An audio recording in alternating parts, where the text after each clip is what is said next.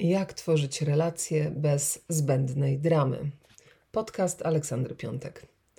Dzień dobry, ja nazywam się Aleksandra Piątek, jestem psycholożką, terapeutką, coachem, trenerką, konsultantką, a kiedyś przez 20 lat pracownikiem etatowym korporacji.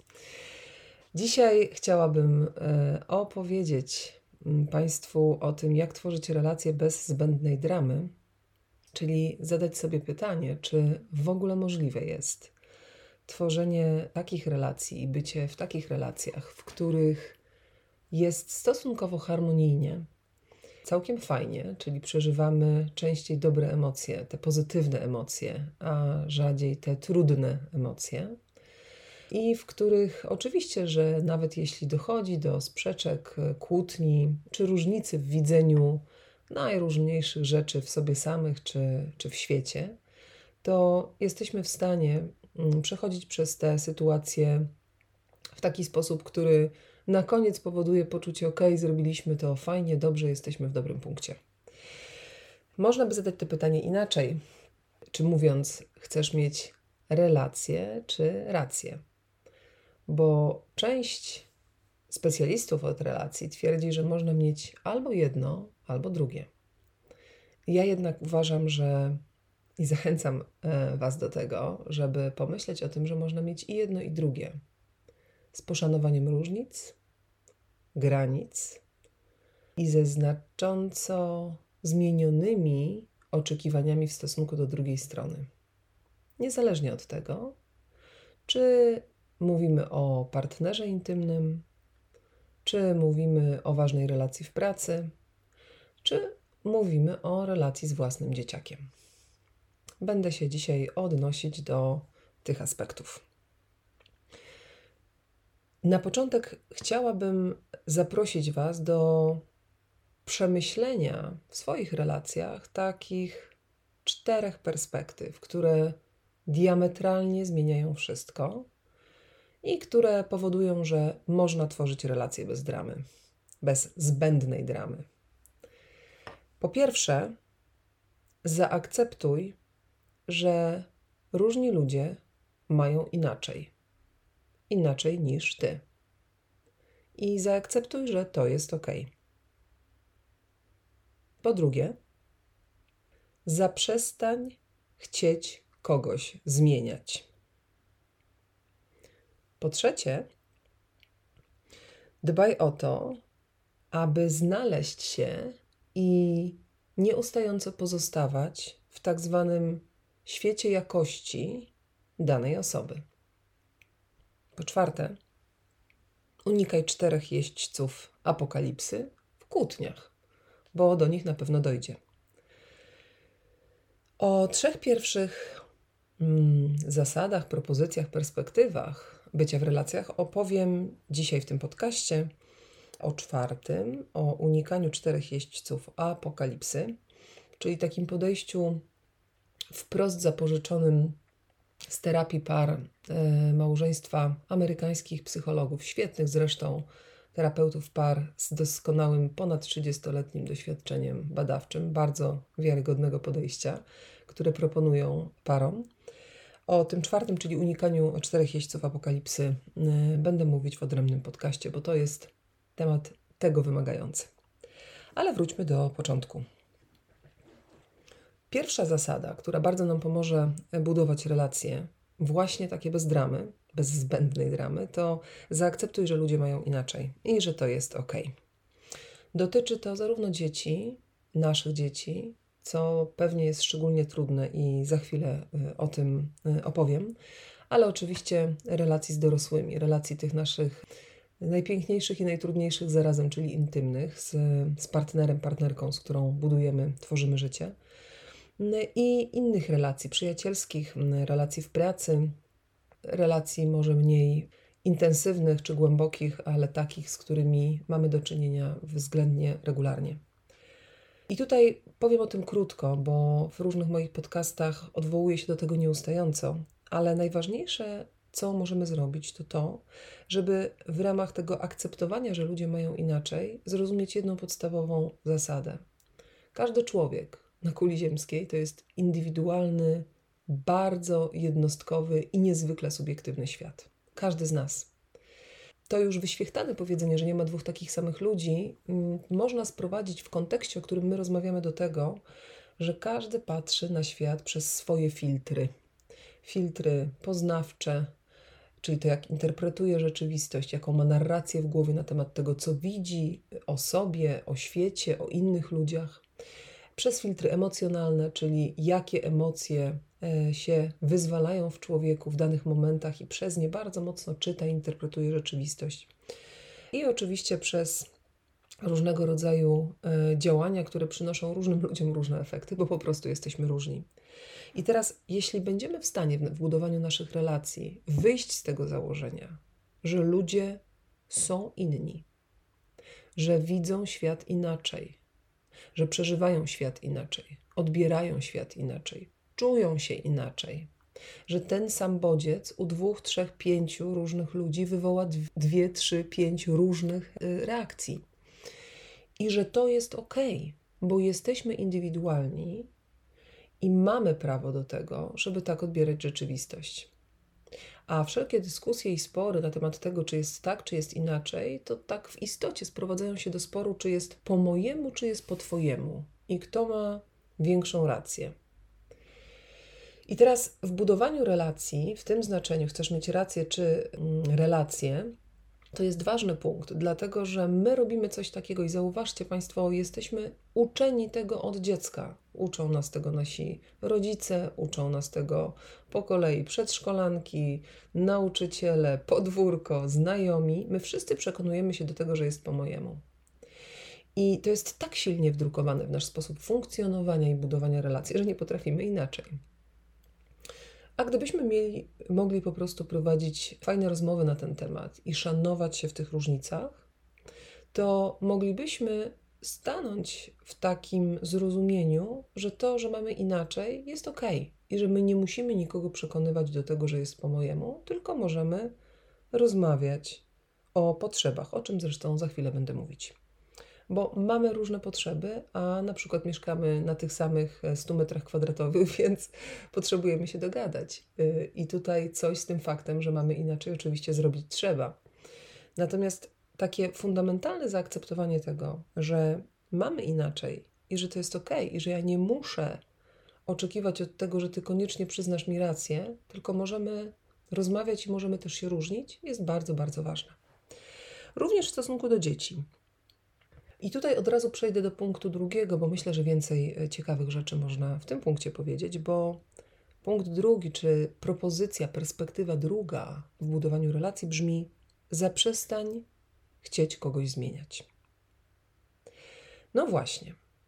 Jak żyjemy z kimś pod jednym dachem, pracujemy w jednej firmie, to bardzo haczy nam punkt pierwszy. Jeśli jego nie przepracujemy, to w drugim niewiele uda nam się zrobić, bo jeżeli już dojdziemy do takiego momentu, że zaakceptujemy, że jesteśmy różni, to drugim ważnym krokiem jest zaniechanie naszego znowu takiego wdrukowanego poprzez wychowanie, poprzez kulturę, poprzez wzorce, normy, sposoby tego, jak ludzie ze sobą e, idą przez życie, jak się kontaktują, komunikują i jak właśnie ze sobą docierają się wokół różnych różnic normą jest to, że my chcemy kogoś zmieniać. My chcemy zmieniać partnera, my chcemy zmieniać naszych pracowników, my chcemy oczywiście zmieniać i kształtować nasze dzieci. I tutaj w szczególności, jeśli chodzi o dzieci, to jeszcze stawiamy się w takim prawie tego, żeby robić to e, w sposób odpowiedzialny, no bo jesteśmy rodzicami i chcemy, życzymy sobie e, i im wszystkiego dobrego, chcemy, żeby ich życie było fajne, definiujemy w naszej głowie, co to oznacza fajne i proponujemy im określony model i wzorzec świata. I oczywiście mamy prawo to robić jako rodzice, bylebyśmy to robili świadomie.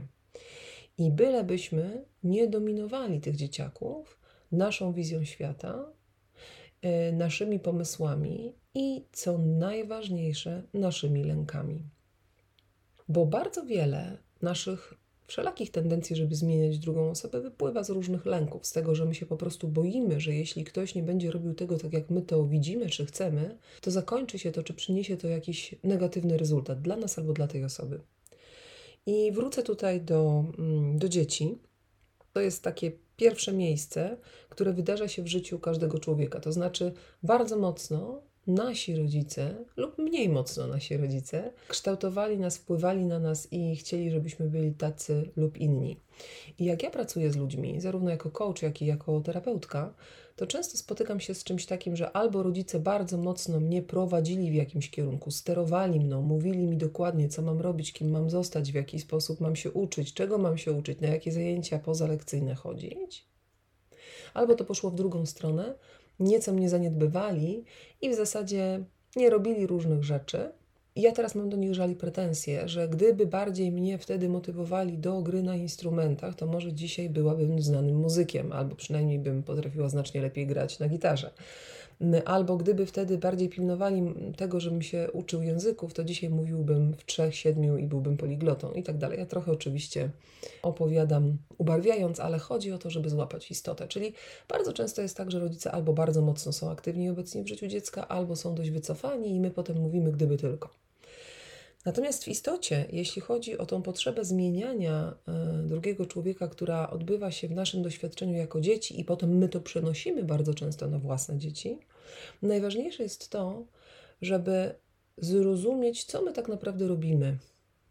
Bo potem to determinuje nasze wszystkie inne relacje, kiedy my wychodzimy w świat i próbujemy zmieniać wszystkich dookoła żonę, męża, partnera, szefa swojego chcemy zmieniać, wszystkich pracowników, y, przyjaciół, którzy, bo się nie podoba nam, że robią coś, albo chociaż z przyjaciółmi mamy najwięcej tolerancji, ale innych ludzi, tak, panią w sklepie, no, wszystkich generalnie chcemy zmieniać, bo wszyscy są nie tacy. Zobaczcie, to się zaczyna w dzieciństwie.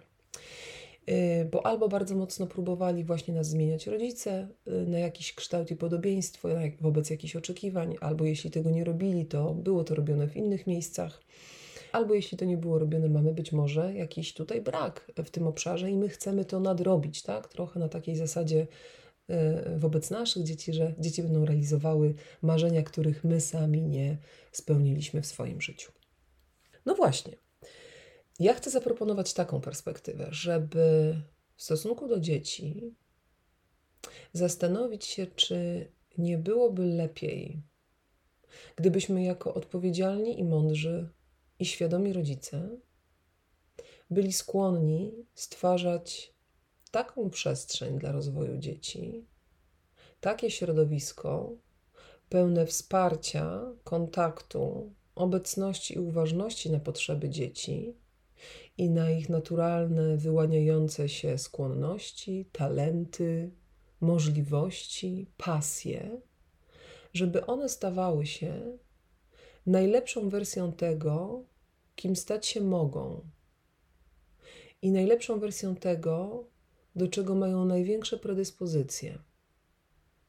I gdybyśmy to wspierali w najlepszy z możliwych sposobów, nie próbując przerzucać na nich naszych oczekiwań, naszych wizji, naszych lęków, tylko koncentrując się na tym, jak usłyszeć to, kim nasze dziecko jest, jakie ma marzenia, jakie ma pragnienia, jakie ma swoje lęki i obawy, i być dla niego po to, aby to dziecko stawało się właśnie taką najlepszą wersją siebie i żeby było w głębokim kontakcie z tym, jakie ma pasje, jakie ma talenty, czego potrzebuje. I gdybyśmy to wspierali, nie próbując dziecka zarzucać naszymi pomysłami na to, jak ma wyglądać jego przyszłość i przede wszystkim naszymi lękami o to, co się stanie, jeśli to dziecko czegoś nie zrobi, jakie będą dla niego konsekwencje.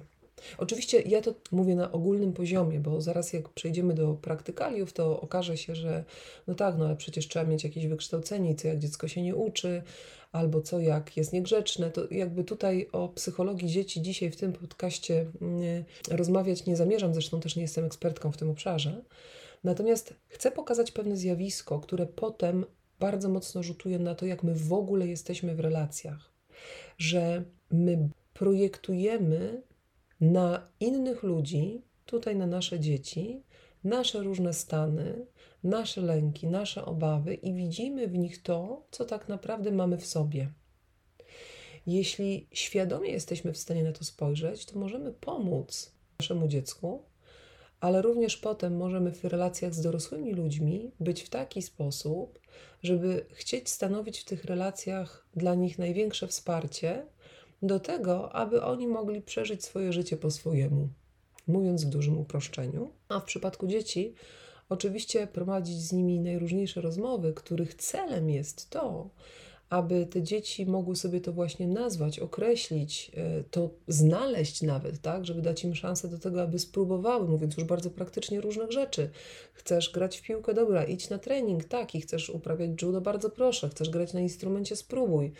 Pytanie, jak bardzo y, potem pilnować i zmuszać dziecko do tego, aby coś robiło, nawet jak bardzo nie ma ochoty.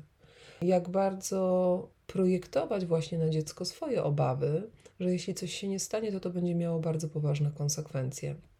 Oczywiście zachęcać do tego, że jak jest słabszy moment, to żeby przeczekać, tak, żeby dać kolejną szansę. Natomiast nie, nie warto, w mojej ocenie, też patrząc na pracę terapeutyczną, zarzucać tego dzieciaka nieustającą wizją i obrazem świata, który my mamy w głowie, a warto wzmacniać i powodować, że to dziecko będzie znajdowało swoją drogę. Bo drodzy Państwo, i tu już będę kończyć, to co się dzieje jako efekt, to to, że jak potem pracuję, bardzo często w coachingu kariery albo próbujemy się kontaktować ze swoimi pasjami, e, ze swoim powołaniem, to ludzie, i to dosyć duża grupa ludzi, z którymi pracuję, nie wie, czym jest ich własna pasja i czym kiedy, czy kiedykolwiek była, czy mieli do tego dostęp, czy wiedzą, co tak naprawdę najbardziej im w duszy gra i co chcieliby robić na czym zarabiać pieniądze. Bo okazuje się, że my właśnie w toku wychowania zostaliśmy tak bardzo ukierunkowani i tak bardzo wdrukowani na określone ścieżki, które programowała nam rodzina, rodzice, kultura, wychowanie, społeczeństwo, że my tracimy kontakt z tym, co tak naprawdę głęboko w nas drzemie. No i pytanie jest proste w relacjach z dziećmi: czy chcemy mieć dzieci na wzór i podobieństwo naszych potrzeb i obaw, czy chcemy mieć dzieci, które odnajdą swoją ścieżkę, na której my będziemy ich wspierać.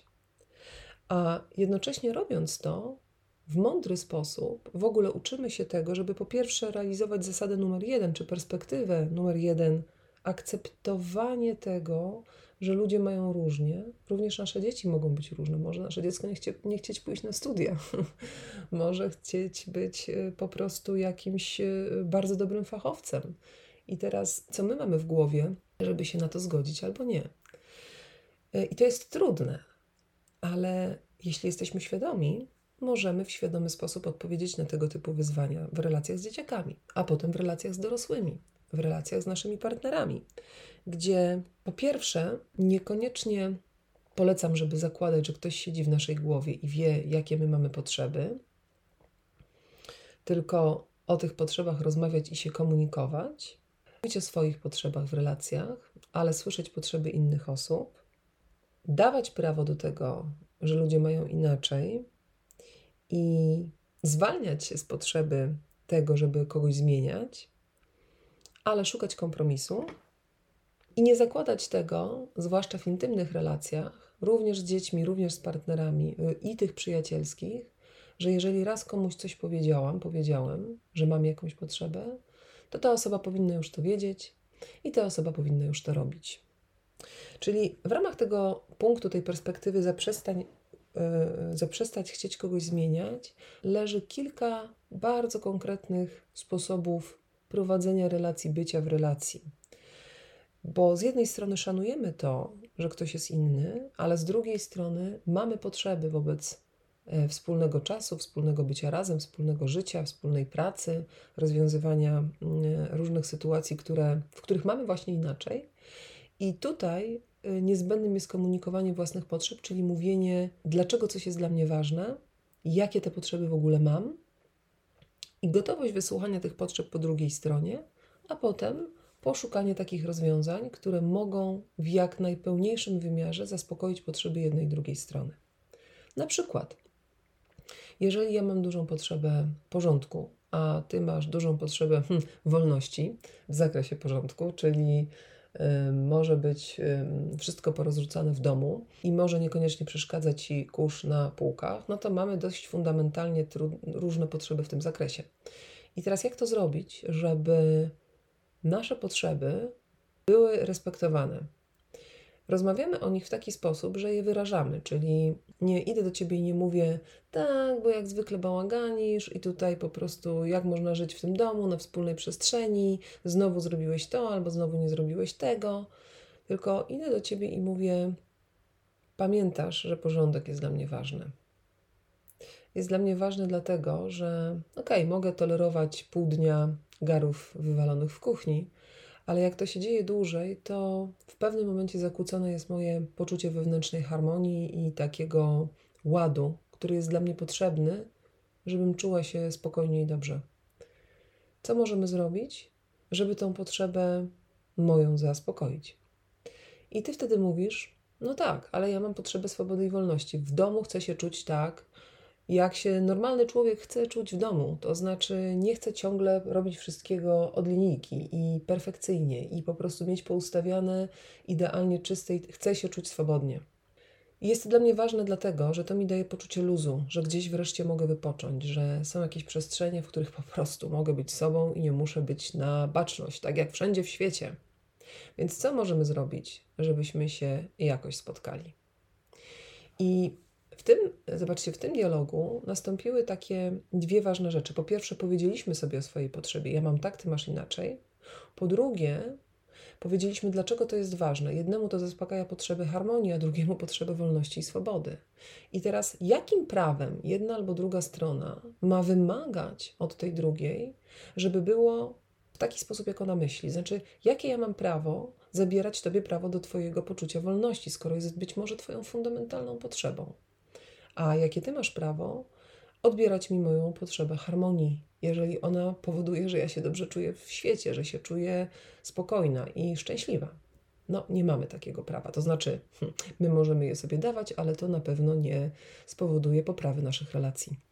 Zatem to, co możemy zrobić, to powiedzieć sobie o potrzebach, powiedzieć, dlaczego one są ważne i zadać sobie fundamentalne pytanie, pełne szacunku, co możemy zrobić, żeby znaleźć takie rozwiązanie, że Twoja i moja potrzeba będą wspólnie respektowane.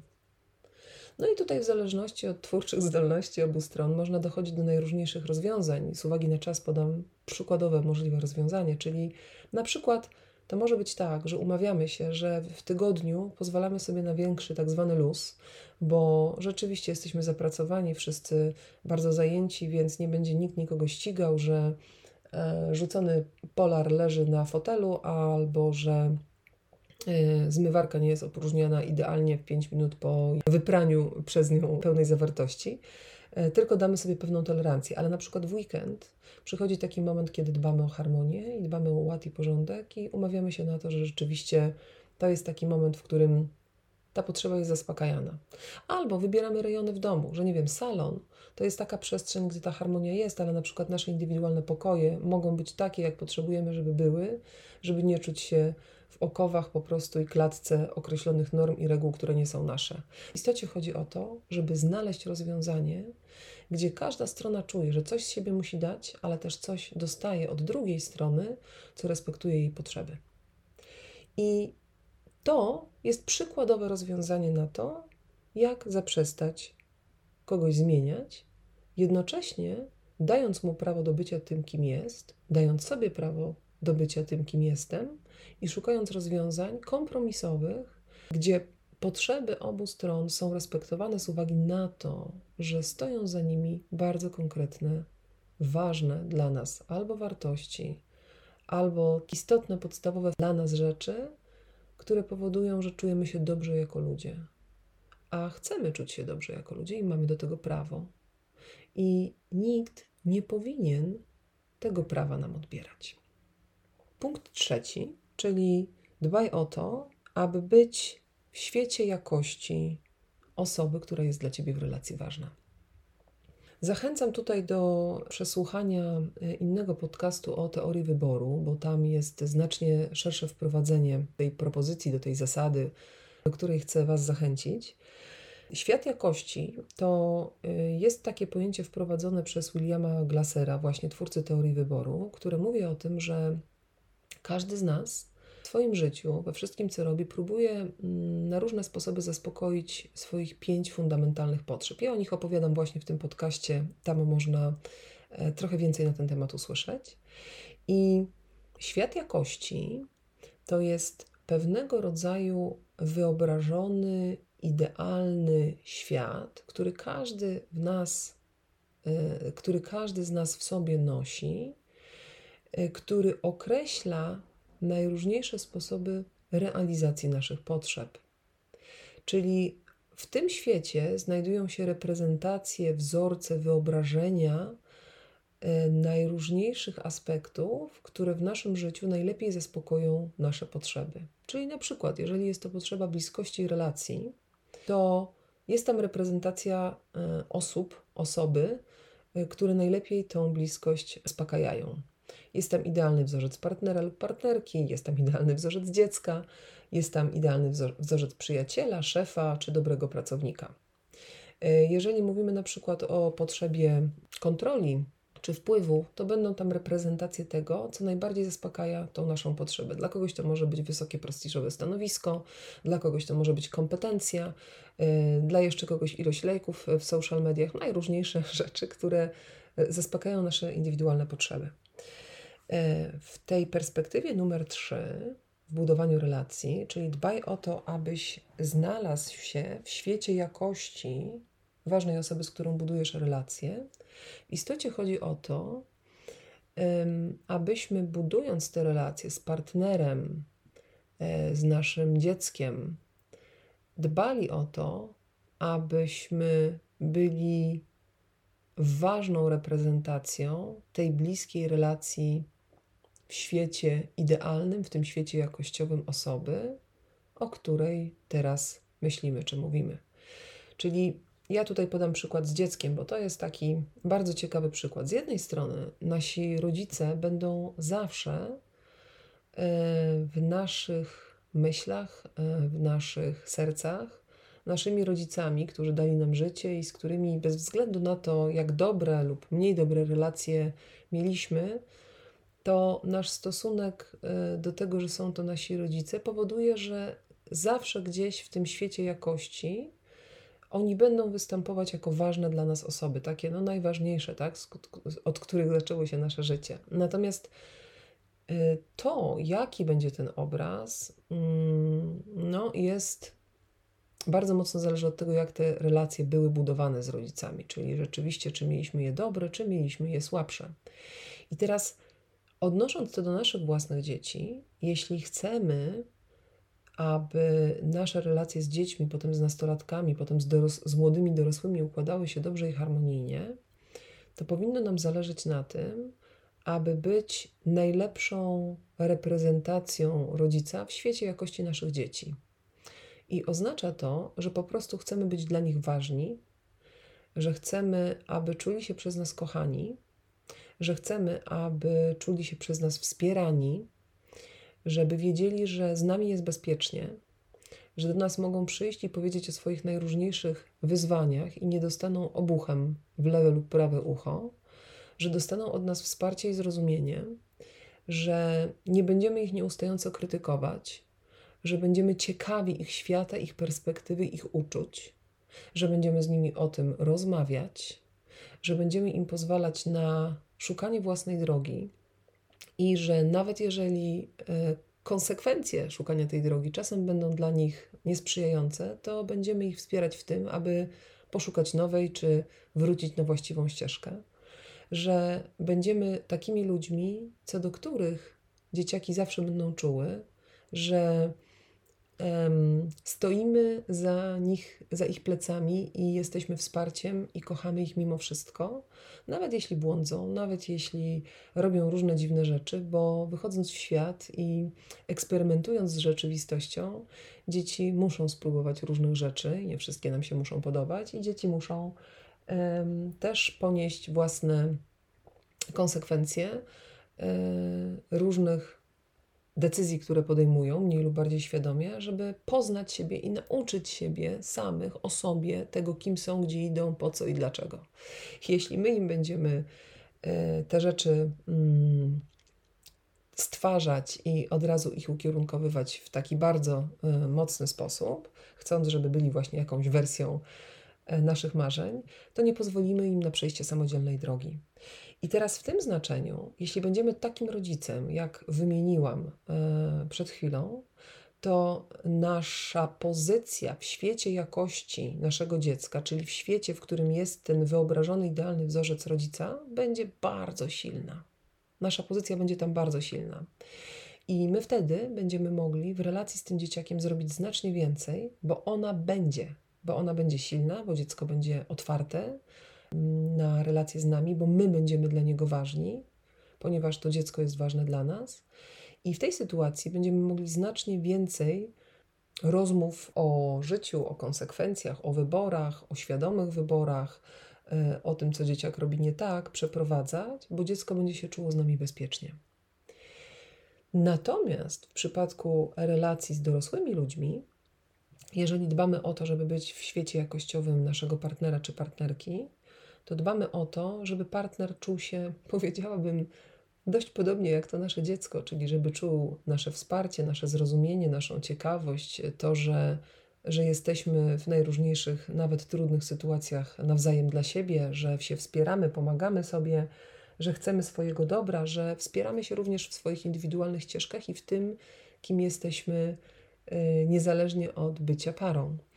I jeśli mamy silną pozycję w świecie jakości naszego partnera, to przejście nawet przez najtrudniejsze sytuacje między nami jest znacznie łatwiejsze niż, niż jeśli ta pozycja zaczyna być coraz bardziej naruszona, właśnie przez to, że nie akceptujemy się nawzajem, że próbujemy się zmieniać, że, e, że wymagamy tego, żeby druga osoba koniecznie była taka, e, jak my widzimy, że powinna być, bo ktoś powinien widzieć właśnie świat tak, jak my to widzimy, czuć tak, jak my czujemy, mieć takie zdanie i opinie, i przecież ty nie masz racji, przesadzasz, albo yy, wydaje ci się, albo źle o tym myślisz, albo to jest nieprawda, albo cokolwiek. Tak? To są te wszystkie komunikaty, które, które niszczą, yy, niszczą relacje i naruszają naszą pozycję w świecie jakości naszego partnera. Bo pamiętajmy, w świecie jakości są takie idealne reprezentacje tych wszystkich osób, rzeczy, zdarzeń, teorii, podejść, filozofii, które w najlepszy sposób zaspokajają nasze fundamentalne potrzeby. Więc dobry partner to jest partner, który nas rozumie i który pozwala nam na bycie tym, kim jesteśmy, który z nami rozmawia, a nie który wymaga tego, żebyśmy się stali y, tacy jak on, żebyśmy chcieli robić rzeczy i widzieć świat tak jak on.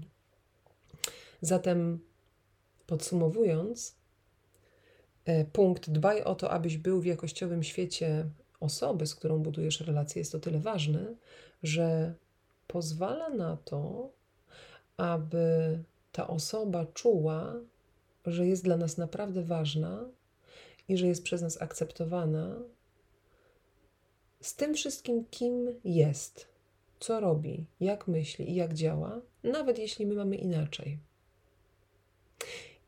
I na koniec wyobraźmy sobie taki świat, w którym relacje takie są. Że jesteśmy z ludźmi, którzy szanują nas i akceptują takich, jakimi jesteśmy, którzy nie chcą nas zmieniać, którzy nie naginają nas do swojej rzeczywistości, którzy pozwalają nam na to, żebyśmy byli najlepszą wersją siebie, nawet na poziomie organizacji, tak? Szefowie, którzy wspierają nasze talenty, którzy są ciekawi tego, co nas fascynuje w robocie, co nas najbardziej, e, co nam daje najwięcej energii, co powoduje, że osiągamy dużo szybciej i łatwiej wyniki. Że jesteśmy z ludźmi i budujemy relacje, które polegają na prawdziwym, głębokim zainteresowaniu drugą osobą, a nie próbą nagięcia tej osoby do tego, kim my jesteśmy i jak my widzimy świat i jakie my mamy racje. Pozwólmy sobie na to, abyśmy byli różni abyśmy mieli różne racje, ale poznawajmy je, chciejmy je rozumieć i rozmawiajmy o potrzebach, które za nimi się kryją, o tym, dlaczego to jest dla nas ważne i o tym, jak możemy znaleźć rozwiązania, żeby zawierały one w sobie sposoby respektowania potrzeb moich i drugiej strony. A wtedy nasze relacje to będą relacje, o których będzie można powiedzieć, że są relacjami bez zbędnej dramy. pełnymi miłości, wsparcia i harmonijnego szukania sposobu na to, żeby fajnie było nam razem ze sobą. Czego wszystkim bardzo mocno życzę i do usłyszenia.